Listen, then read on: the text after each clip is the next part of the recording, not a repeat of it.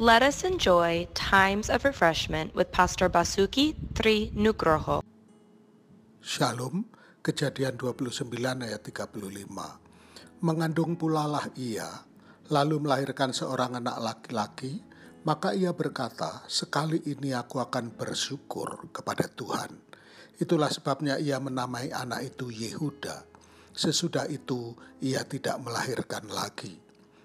Para pemerhati remaja mengamati bahwa harga diri para siswa melekat pada media sosial.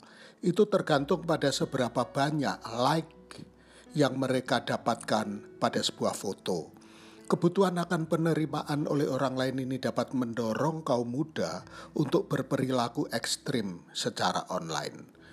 Kerinduan untuk diterima oleh orang lain selalu ada. Dalam kejadian 29, Dimengerti bahwa Lea merindukan cinta suaminya Yakub.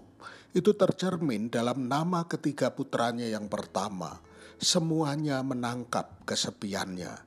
Tapi sayangnya, tidak ada indikasi bahwa Yakub pernah memberinya penerimaan yang diinginkannya.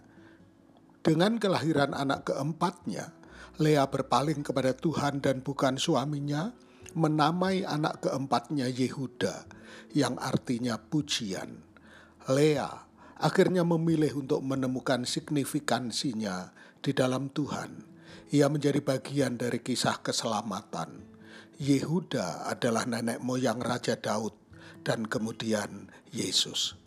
Kita dapat mencoba menemukan signifikansi atau arti hidup kita dalam banyak cara dan hal tetapi hanya di dalam Yesus kita menemukan identitas kita sebagai anak-anak Allah, ahli waris bersama Kristus, dan mereka yang akan tinggal kekal dengan Bapa Surgawi kita. Tuhan memberkati.